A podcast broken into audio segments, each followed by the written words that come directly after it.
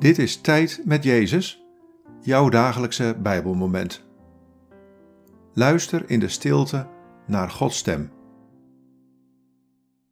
Vandaag luisteren we naar dit Bijbelwoord, Lucas 6, vers 36 en 37. Wees barmhartig, zoals jullie Vader barmhartig is.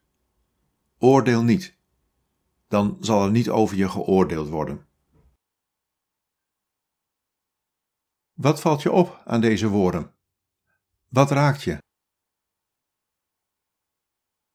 Wees barmhartig, zoals jullie Vader barmhartig is. Oordeel niet, dan zal er niet over je geoordeeld worden.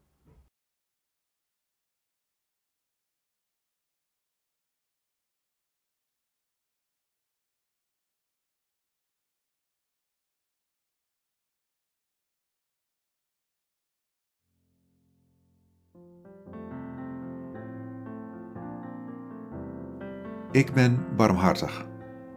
Mijn hart klopt vol warmte voor mensen. Ik oordeel niet, want ik red en bevrijd. Ik nodig jou uit om barmhartig te zijn, zoals ik dat ben.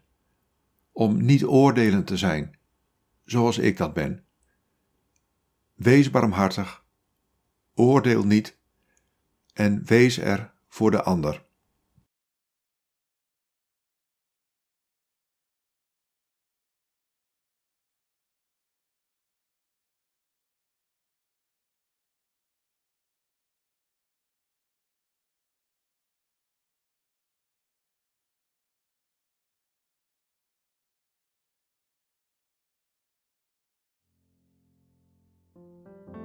Bid deze woorden en blijf dan nog even in de stilte van Gods aanwezigheid. God, maak me barmhartig.